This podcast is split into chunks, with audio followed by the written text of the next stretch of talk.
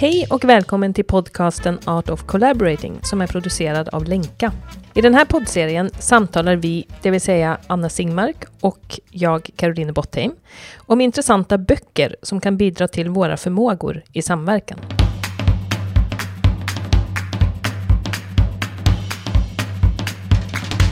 Ja, Caroline, vad trevligt att sitta här och prata med dig om den här boken.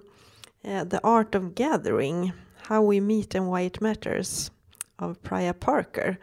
Eh, det är alltså en bok som handlar om ja, men konsten att mötas och eh, hur vi gör det och varför det spelar roll.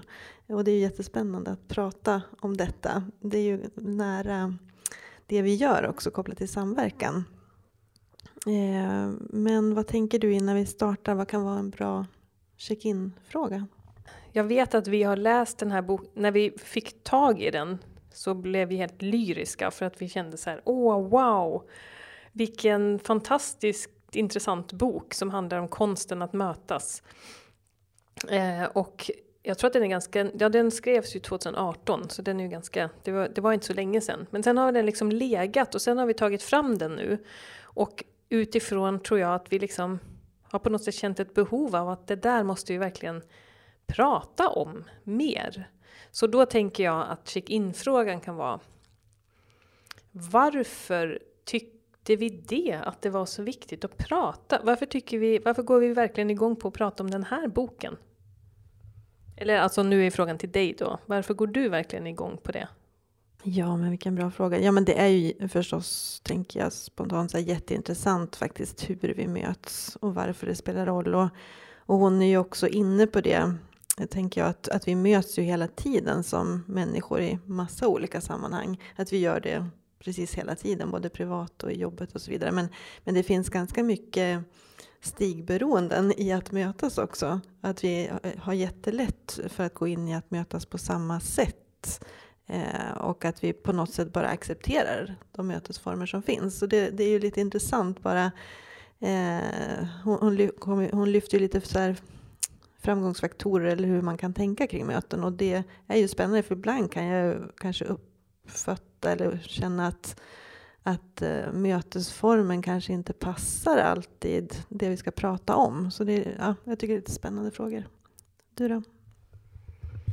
Eh, ja, väldigt mycket håller jag med dig om det du sa. Och ehm, just det där att vi tar möten mötesformat för give, givna. Alltså att vi kan gå in, hon ger ju exempel på liksom, ja men att, att, ja men det, att ibland kan vara liksom formatet som Alltså typ, ja men vi ska ha ett styrelsemöte. Då vet alla typ, ja men det går till så här. Och då pratar hon ju om att det där var, är det ju någon som har tänkt ut. Alltså att man har en dagordning som är på ett visst sätt och som ser ut sådär eh, som gör att man går igenom ganska formella punkter till exempel, eh, som inte är så väldigt relationsskapande kanske, eller eh, inga liksom, diskussionsfrämjande punkter.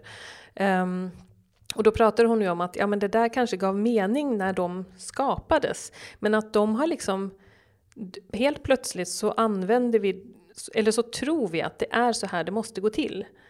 Det är ju så intressant det där att vi liksom går in i massa eh, ja, föreställningar om att så här är det bara.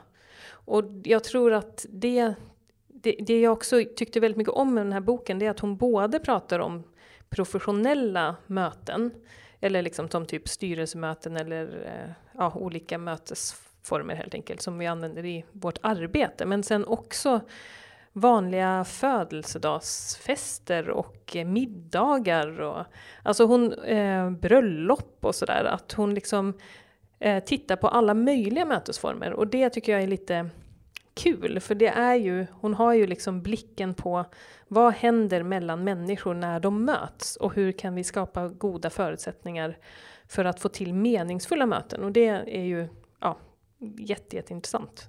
Ja, vi kan väl säga det också att eh, hennes bakgrund är som facilitator. Eh, vad jag förstod när jag läste så har hon verkligen faciliterat eh, processer och samtal eh, både eh, i USA och runt omkring i världen kring olika frågor och också kring ganska svåra frågor verkar det som. Eh, och hon tar ju också in lite grann av sitt liv i det hela och att hon kommer från en från eh, hennes föräldrar kom från olika kulturer bland annat och hade helt olika sätt att liksom vara i sina hem och sådär. Så att hon, hon blev ju intresserad också av de här frågorna tidigt.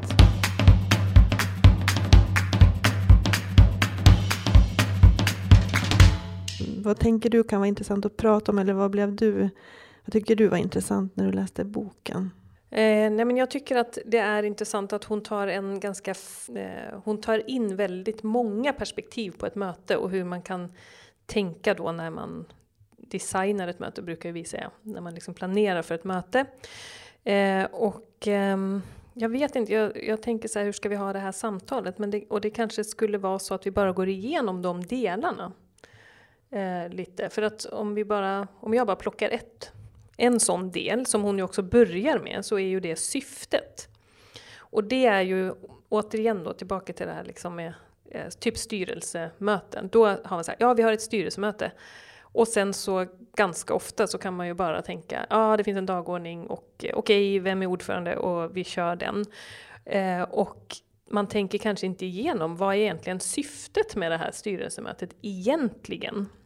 För det kan ju vara liksom ganska, vad ska man säga, ja det kan finnas ett formellt syfte, att vi ska liksom ha lite koll på hur det går och titta på eh, ja, men någon form av kanske, om det är en styrelse för styrgrupp för ett projekt till exempel. Ja, hur går det för projektet och vad ska vi fatta beslut om eller något sånt där.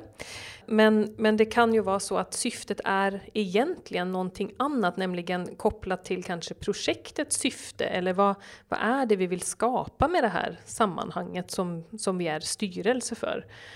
Um, och, och då har ju hon liksom Eh, hon säger att man, vi ska ställa den frågan, ja men varför? Varför ska vi ha ett styrelsemöte? Ja men för att vi ska göra ditten och datten. Ja och varför ska vi göra det? Och sen ställa den där varför-frågan ända tills man kommer åt det där. Det som också är unikt kanske med just det här styrelsemötet gentemot alla andra. Eh, ja. Jag tycker det var kul, hon skrev någonting så här också att, att om vi inte har ett syfte så är det ett möte om ingenting.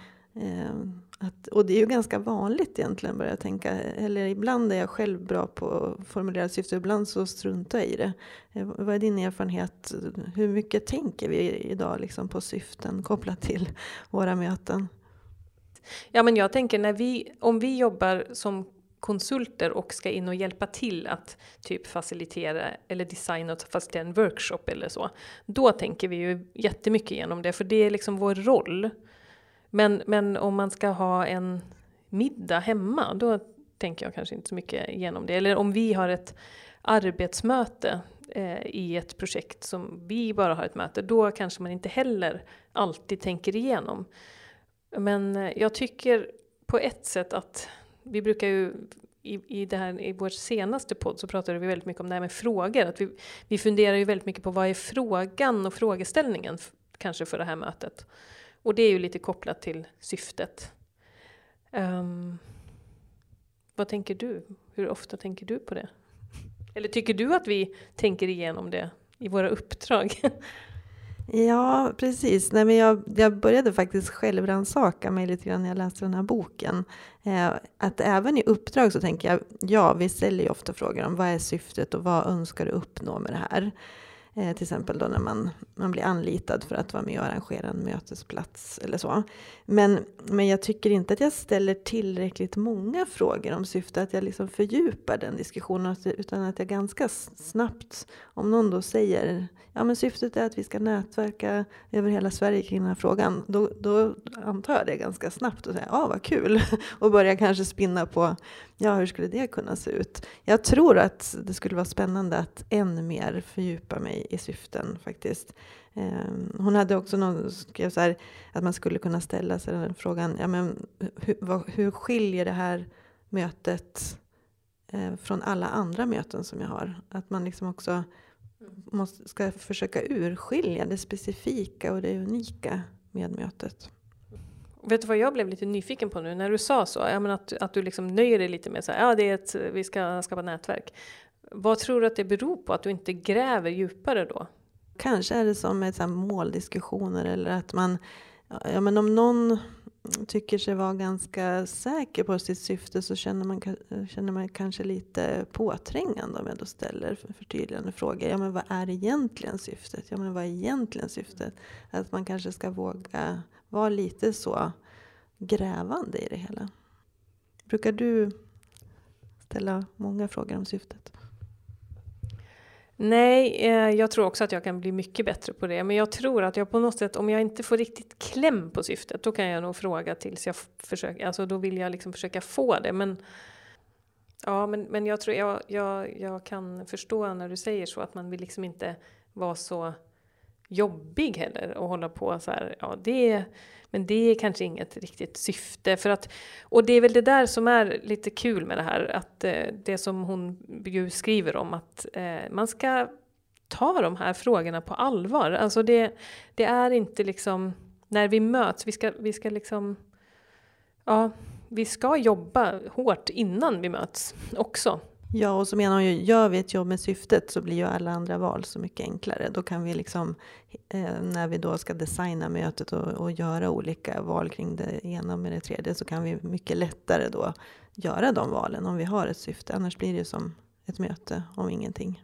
Ja, precis. Och jag tänker att det som kanske också gör att vi inte lägger så mycket tid på det, för det är ju det hon säger att vi, vi är ganska vana att lägga väldigt mycket tid på andra saker när vi planerar för möten, typ logistik, eh, eh hur, alltså, hur ska inbjudningarna gå ut, när måste vi göra det, eh, vilka lokaler ska vi ha, var, alltså att man liksom tänker på eh, ja, lite mer de här detaljerna kanske för snabbt. Vi är mer vana vid det och då går vi ju mer in i det och tänker att det är det vi ska få ut när vi planerar ett möte istället för att på riktigt ägna kanske en timme åt att fundera på vad är egentligen syftet?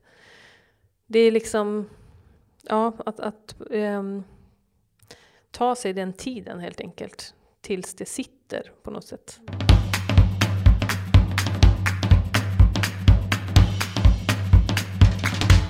Ja, så det var, ju, det var ju en del, det kan man ju eh, då ta med sig. så syftet. Och sen så har hon ju nästa punkt i min lista här, som är stängda dörrar. Hur eh, uppfattade du det, vad hon egentligen säger om det? Ja, precis. Det tycker jag var lite annorlunda eh, utifrån ja, det här med möten. För man pratar ju mycket om inkludering och hur kan vi inkludera liksom alla perspektiv. Men hon menar ju också på att man ska på något sätt, um, om man har helt och hållet öppna dörrar, då är det lite grann liksom ett hot mot ett möte som har ett syfte. Utan har mötet ett syfte så, så ska man också vara beredd att liksom exkludera utifrån det syftet och att faktiskt stänga dörrar då och att skydda själva mötet. Att, eh, att det är liksom syftet som, som är i centrum och de perspektiv man bjuder in ska, antar jag då, koppla an till syftet. Eller hur tolkade du det hela? Ja, jag tyckte också att det var intressant att hon liksom gör exkludering till en viktig sak. För att hon säger att exkludering behövs för att aktivera mångfalden som finns i en grupp. Och det tyckte jag var väldigt intressant resonemang. För att hon, och lite liksom på det här att om alla är inbjudna så är ingen inbjuden egentligen. Alltså det, det är ju också, precis kopplat till syftet då, alltså det är ju också ett urval av människor som behöver ske inför, en, inför ett möte.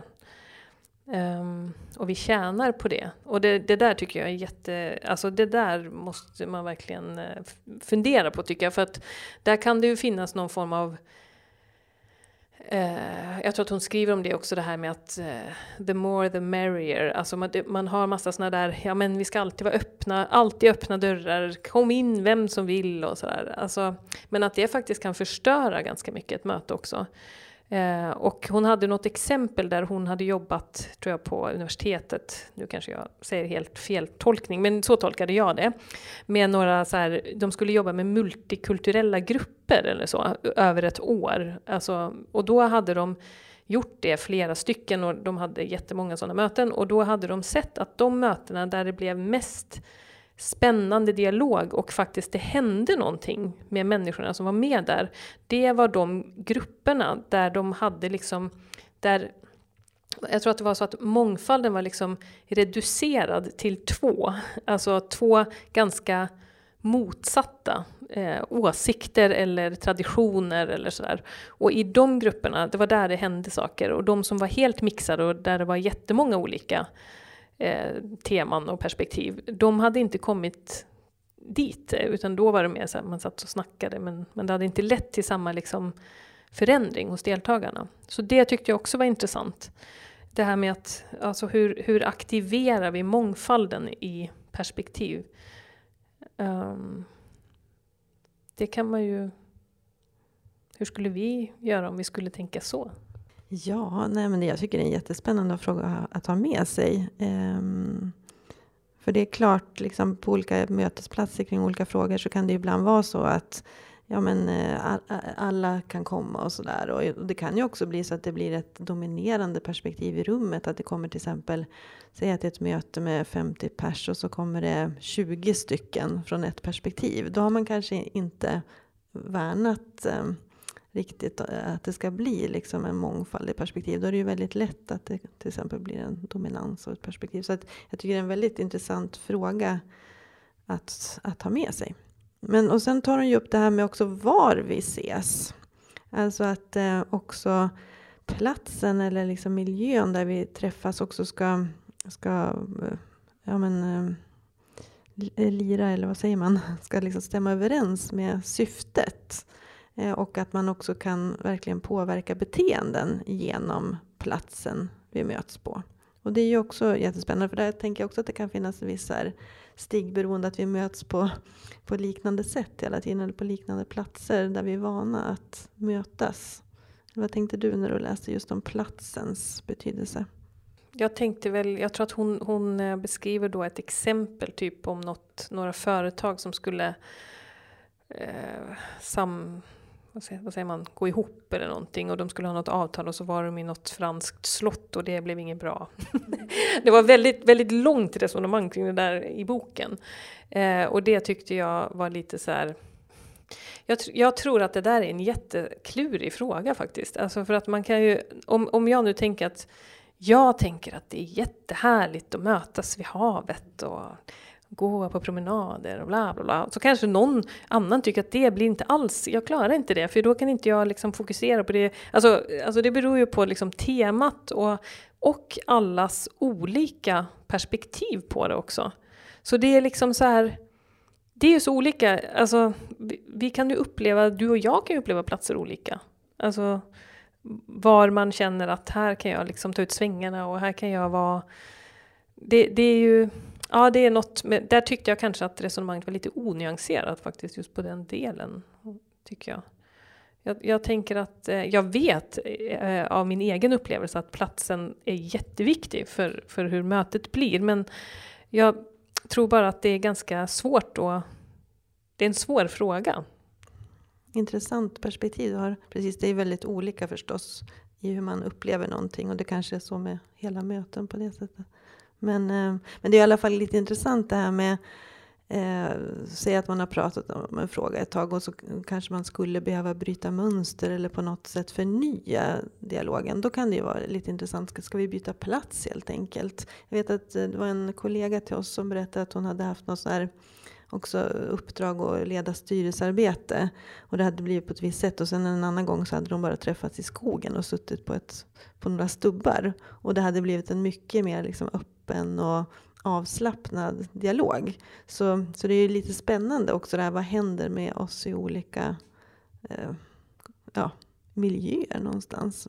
Men som du säger, det är ju väldigt individuellt och hur man upplever miljön. Jag tänkte också på det här skogsexemplet faktiskt. Eh, jag tänker också att Eh, det, att variationen är nog väldigt bra. Att liksom, man får ju testa sig fram lite och så kanske också som, alltså, så, och prata om det. Vad, vad hände när vi träffades i, det här, i den här miljön och vad hände när vi träffades i den här miljön? Jag vet att vi har ju pratat om eh, NAV som mötesplats tidigare. Då, där vet jag att jag tänkt ibland att de, alltså, det är en mötesplats som går in i mötesplatsen går in i olika eh, rivningskontrakt ofta. Alltså, och då betyder det lite att man får en känsla av att loka, alltså, det fysiska rummet är lite ofärdigt också ibland, eller det, liksom, det finns möjlighet att gestalta. Och det tror jag, liksom, där, där vet jag också att det är en sån miljö som jag trivs väldigt väl, mycket i. Men då, nu tänkte jag just här, ja men skulle man alltid träffas i den miljön, då skulle ju det kanske också bli ett mönster. Så att man får ju liksom tänka variation. Eh, det kanske är viktigt. Ja, och, och, syftet då kanske, eller som hon menar på, vad är det egentligen, vad, vad syftar det här till och liksom hur, hur ska vi mötas? Eh, och hon, hon eh, menar också på något sätt att man måste, nu vet jag inte det svenska ordet, contained space, eller liksom att man på något sätt måste hålla ett utrymme på något sätt för mötet. Liksom att Eh, hon gav den här bilden av picknickfilten, att när vi ser picknickfilten så vet vi ändå då sett, alltså även om det är en jättestor park så sätter sig ändå folk eh, oftast på picknickfilten. Man går ju liksom inte hundra meter bort och sätter sig någon annanstans. Det tycker jag var en ganska bra bild att då är ju picknickfilten någonstans en hållen plats för att här ska vi mötas. Eh, så den, den bilden har jag nog med mig.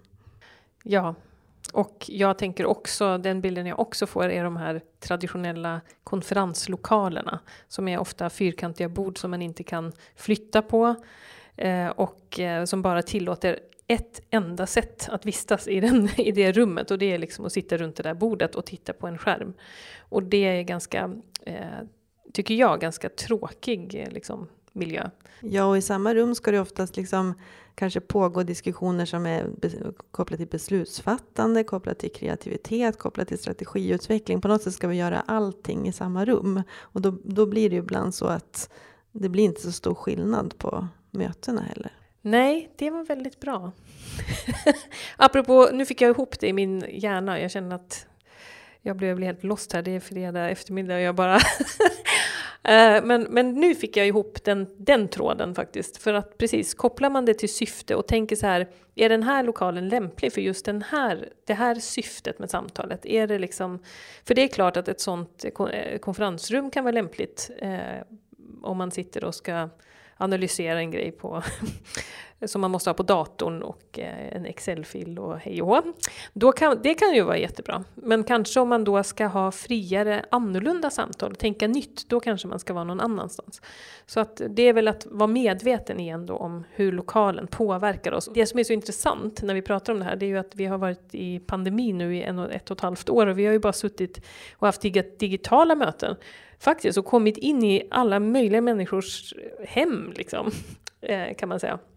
Det, ju, det har ju varit en helt annan situation. Det är kanske är därför jag tycker det är svårt att prata om det här. För jag kommer ihåg innan det var digitalt, då när vi reste runt väldigt mycket. Oj, och vi liksom kom med våra blädderblock och pennor och hej och hå. Och så var det så här, jag vet att jag hade insett så här, ja ja, spelar ingen roll vad det är för lokal, vi fixar det liksom. Vi får fixa det till ett kreativt rum. Och det var ju liksom helt olika förutsättningar. Och ibland liksom fick jag bara en sån här känsla, åh herregud, hur ska det här gå i det här rummet? Det, det, när liksom hela känslan bara är så här nedtryckt och så här gammal, eh, jag vet inte ens vad man kallar de där lokalerna för. Alltså, så här offentliga lokaler, alltså fruktansvärt. Och ändå liksom hela tiden få upp den här, jo, men här ska vi ha de här kreativa samtalen. Det var ju liksom, det, alltså, det är ju ändå eh, viktigt och jag tycker att det är intressant med alla de här, som vi också varit med om, väldigt många organisationer som har skapat aktivitetsbaserade arbetsplatser. Och så gör de liksom om allting, men ändå så har de ju inte tänkt på att man kanske vill göra, göra rummen olika ändå. Alltså att det kanske ska gå att flytta på borden, eller tänk om man har runda bord istället för fyrkantiga ibland. Eller, alltså, och då tänker jag, har de pratat med varandra om vilka behov de har av lokalerna. För det tror jag ofta att man missar det samtalet. Så att det är ju en jätterelevant fråga faktiskt.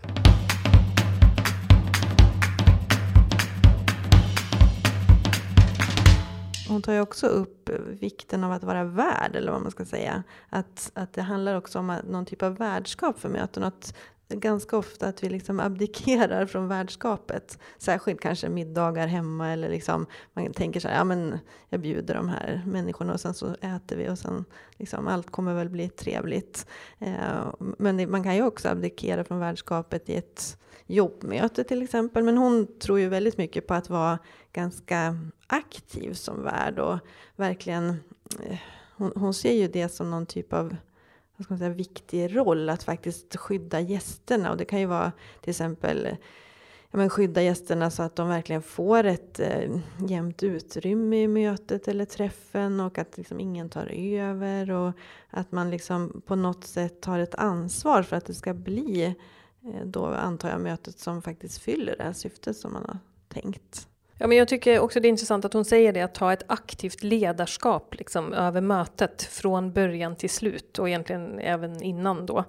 Men, eh, men att liksom ta det där, ha tänkt igenom också, hur får jag de här människorna att knyta an till varandra? Hur, hur möjliggör jag för dem att släppa på, eh, eller, eller att liksom när vi brukar säga, eller man säger ju ofta det, man ska ha högt i tak. Så hur hjälper man då de här människorna att eh, gå in i det och att våga säga vad man tycker och sådär.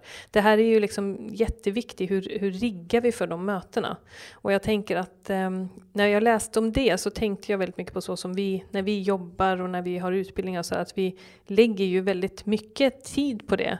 Att eh, deltagarna ska mötas i olika konstellationer till exempel för att låta dem eh, bygga relation och, eh, och därmed liksom skapa en trygghet i gruppen som möjliggör för bra samtal sen.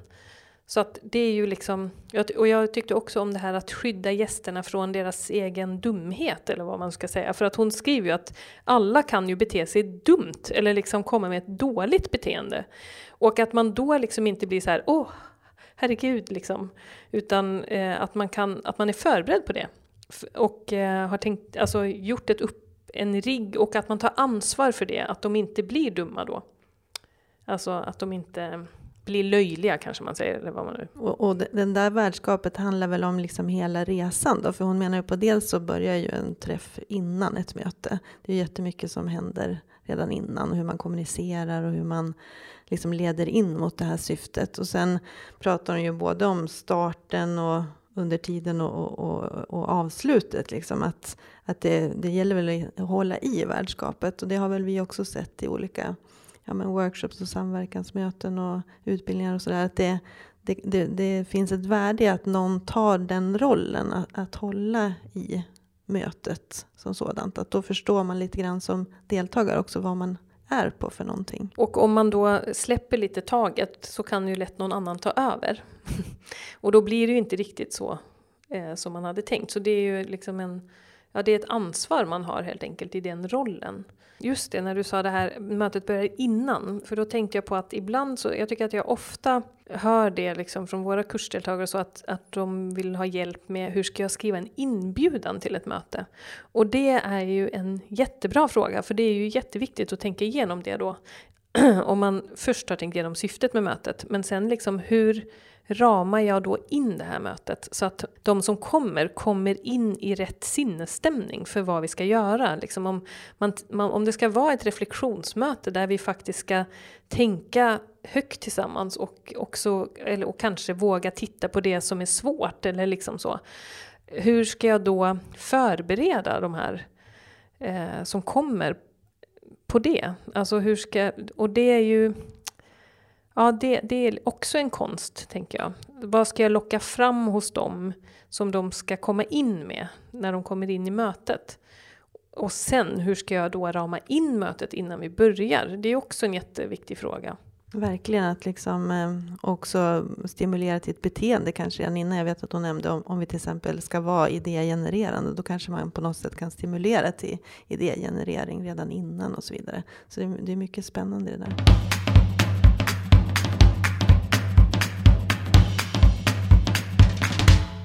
Jag tänkte om jag gör en time-out så här när vi har pratat ett tag. Ehm, är det något mer som du tänker skulle vara intressant att prata om innan vi avslutar? Ja, det vi...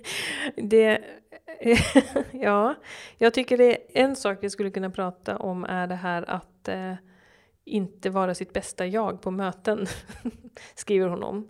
Och att, eh, att också skapa, eh, jag vet inte, vad heter det på svenska? Contro, Controversy. Kontrovers. Aha, kontrovers. Och vad betyder det då?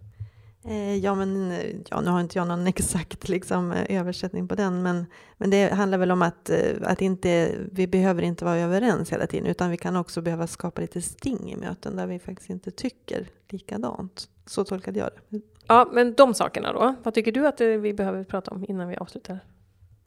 Ja, men det var faktiskt samma sak som jag satt och tänkte på. För att eh, det var väl kanske också lite osvenskt i den här boken. Just att vi behöver också möten med lite kontrovers. Och det var ju till och med, eh, ja, ett, hon gav ju lite exempel på hur man kan skapa lite kontrovers. Så att, eh, jag tänker att det också kan vara intressant innan vi avslutar. Ja, men ska vi ta, börja med det då? Så att, för hon säger ju typ att harmoni ska inte vara syftet med ett möte. Så nu, nu sa du, hon ger lite tips på hur vi kan skapa kontrovers. Vilka tänkte du på då? Dels så tänkte jag på eh, att hon eh, ja, men uppmuntrade till att eh, inte bara fråga om någons perspektiv utan att också gräva lite i de underliggande antaganden och varför tycker du så? Liksom att man får fram lite mer eh, vad en person verkligen tycker om en fråga. Och hon tycker att man kan prata om politik och religion och sex och allt möjligt på ett möte. Hon tycker inte alls att man ska undvika de ämnena. Eh, och så vet jag att hon bara gav något exempel där om det var något företagsevenemang där de ville få till liksom nytänkande men där de inte fick till det. Och då, eh, då skapade hon någon typ av boxningsarena, alltså en fiktiv boxningsarena där två personer fick ställa sig i varsitt hörn med, med varsin sparringpartner bakom och ha diametralt olika perspektiv och egentligen spela en roll av att argumentera jättestarkt för det perspektivet. Och då började också folk runt omkring liksom att eh, applådera och fick, man fick ju på något sätt fart i mötet och, det, och de här olika perspektiven synliggjordes och olika argument synliggjordes. Och det tänker jag ibland så eh, kanske det inte är så på en del möten att, att vi faktiskt på riktigt synliggör olika argument. Nej, det här tycker jag är jätteintressant. För jag har ju då bott länge i Tyskland. Och det där är liksom en skillnad som jag tycker är så himla uppenbar för mig. När jag, när, och nu har jag ju levt länge i olika, i, de, i olika länder så att jag har ju förstått att man ska inte generalisera men nu gör jag det ändå. Eh, men jag tycker att, när jag, jag, vet att när vi flyttade dit och då var jag ju ganska, då var jag bara 12 år men, men jag vet att jag slogs av väldigt mycket när jag var där nere att folk liksom ville, de kunde inte stå ut med att man inte hade en åsikt. Alltså det var så här, ja men vad tycker du då, vad tycker du då? Och, så, och jag var ju liksom från Norge, jag tyck, tyckte ju kanske något, men jag kanske var osäker på sig. Alltså jag var inte så van vid det. Och då liksom var det som att, att det var något dåligt att man inte hade en åsikt. Så det var liksom så här, i samtal, middagssamtal eller eh, när man träffades, då var det liksom väldigt mycket så här, ja men säg då, säg då, vad tycker du, vad tycker du? Du måste ju ha en åsikt. Så det var liksom så här, och då, där är det ju, eller i alla fall var det då, eh, väldigt mycket mer vanligt att man sa liksom, att man hade olika åsikter också. Och det var också viktigt att få fram det. Och det är ju lite det hon pratar om i det här. Men, men sen, och sen känner jag då när jag är här i Sverige att det är liksom en helt annan. Här är det verkligen inte så. Alltså det är ingen som skulle komma och liksom säga så här, men vadå, vadå, har du ingen åsikt eller har du ingen åsikt? Anna, i den här frågan, utan det är ju väldigt mycket, jag vet att i början när vi kom hit att jag tänkte så här, det känns som, och det där fattade jag inte i början, men sen fattade jag det Eh, när det, när det, att det var vissa ämnen som man undvek. Som till exempel, det var just då den här kärnkraftsfrågan. Och då var det en, någon gång en granne sa till mig, ja men du vet att det där vågar inte svenskarna prata om när de inte vet vilken åsikt de ska ha. Och då tänker jag så här, oj, det är ju liksom helt annorlunda. Alltså det bara tänkte jag på nu när du sa det där. För att um, ja, hur kulturellt det är. Och, eh, men också kanske det som jag gillade med hennes resonemang då, för, för jag tycker att det är så svårt när man jämför kulturer och så, vad är bättre och vad är sämre och allt det där. Det går ju liksom inte. Det går ju verkligen inte. Eh, även om jag har försökt, försökt, försökt. Men det går, jag har inte fattat hur man ska göra det. Men i alla fall, men då tänkte jag att hennes resonemang när hon säger så här, det som är bra med det här, att skapa kontrovers, det är att vi faktiskt kommer åt och synliggör och eh, jag tror att de kallar det för återbesöker våra viktiga värderingar så att vi liksom synliggör och då kan ju det vara olika. Och att liksom kunna ha sådana samtal, för nu tänker jag också på Mary Parker Follett och att hon pratar mycket om att vi måste ha de här samtalen, vi måste, vi måste våga visa våra olikheter. Att det finns ett jättevärde i det. Ja, verkligen. Och, och samtidigt säger hon väl också eh, just att man måste skapa en också någon typ av liksom form eller trygghet i det så att säga så att det inte helt barkar iväg eller utan man eh, hon är väl också inne på liksom att kan man skapa en en, en trygg plats för att ha de här kontroverserna och att det är någon som också eh, tar någon typ av ledarskap för det hela så, så kan det ju verkligen bara gynna en process.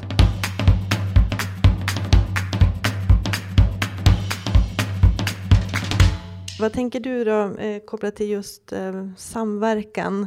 Var, varför blir den här boken intressant eller det som Priya Parker pratar om? Jo, men eh, jag tycker ju att det är intressant det där att, ehm, att ta möten på allvar helt enkelt. Och det är väl det som, som vi inledde lite med. Det är liksom en det är verkligen en konst och vi kan vara bättre på det eller sämre på det. Eh, men vi, vi kan påverka det. Och sen, sen vet ju vi, tänker jag, att vi kan ju också ha jättegoda intentioner och en jättebra plan och sen blev det inte alls så som vi hade tänkt. Och, eh, eh, ja, och, och, men, men att det ändå är värt att tänka igenom syfte och, och allt det där. Jag, jag tänker att det är ju i samverkan är ju det jätte, jätteviktigt. Och, eh, men, också, men i alla sammanhang faktiskt. Nej, men precis. Det, det, den här boken gör verkligen att, att eh, jag börjar tänka på alla möjliga sammanhang. Eh, hur man kan ja, kanske bli mer tydlig med syfte och så vidare. Så att en tänkvärd bok och som du säger, verkligen intressant också i samverkansprocesser. Om vi vill då föra en fråga framåt och ha liksom dialoger som skapar mening så är det ju jätteintressant med, med hur vi designar möten. Ja, jag kom på en annan sak också som jag tänkte på. För att om man nu jämför det här med vad, hur vi jobbar så tänker jag att vi ju, pratar ju också väldigt mycket om det. Hur ska man liksom skapa meningsfulla möten?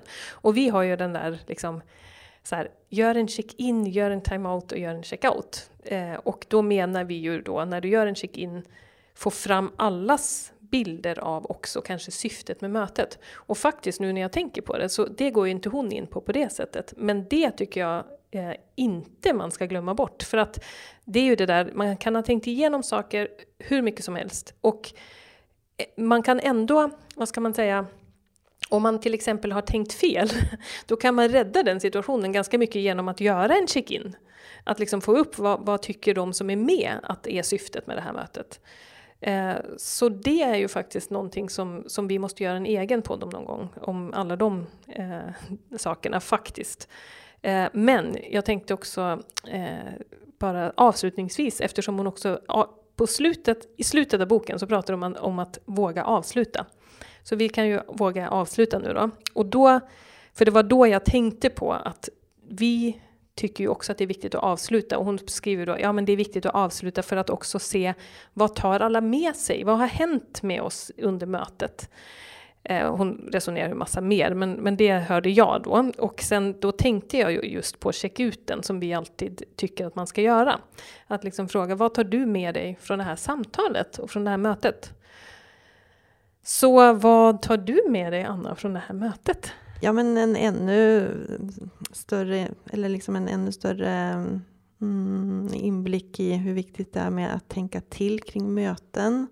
Eh, en hel del kanske bekräftat på det som vi eh, har, har kanske tänkt innan, men också till exempel det här med att skapa lite god kontrovers. Att det är lite intressant att ta med sig, att faktiskt liksom få, få till ännu mer spänstiga dialoger kring olika saker. Och det här med att eh, verkligen vara noga med syftet. Ja, jag tar med mig... Eh, nu sa jag från det här mötet och då var det som att mötet med boken hade man kunnat säga då. Jag tar med mig eh, också en bekräftelse och det är så skönt när någon kan har skrivit en hel bok om det här och tar det så på allvar. Jag tycker det är så skönt att läsa någon som jobbar med också, liksom, hon jobbar med konflikthantering väldigt mycket också, eller har jobbat med det. Att det är viktigt, en viktig kompetens, det tar jag med mig.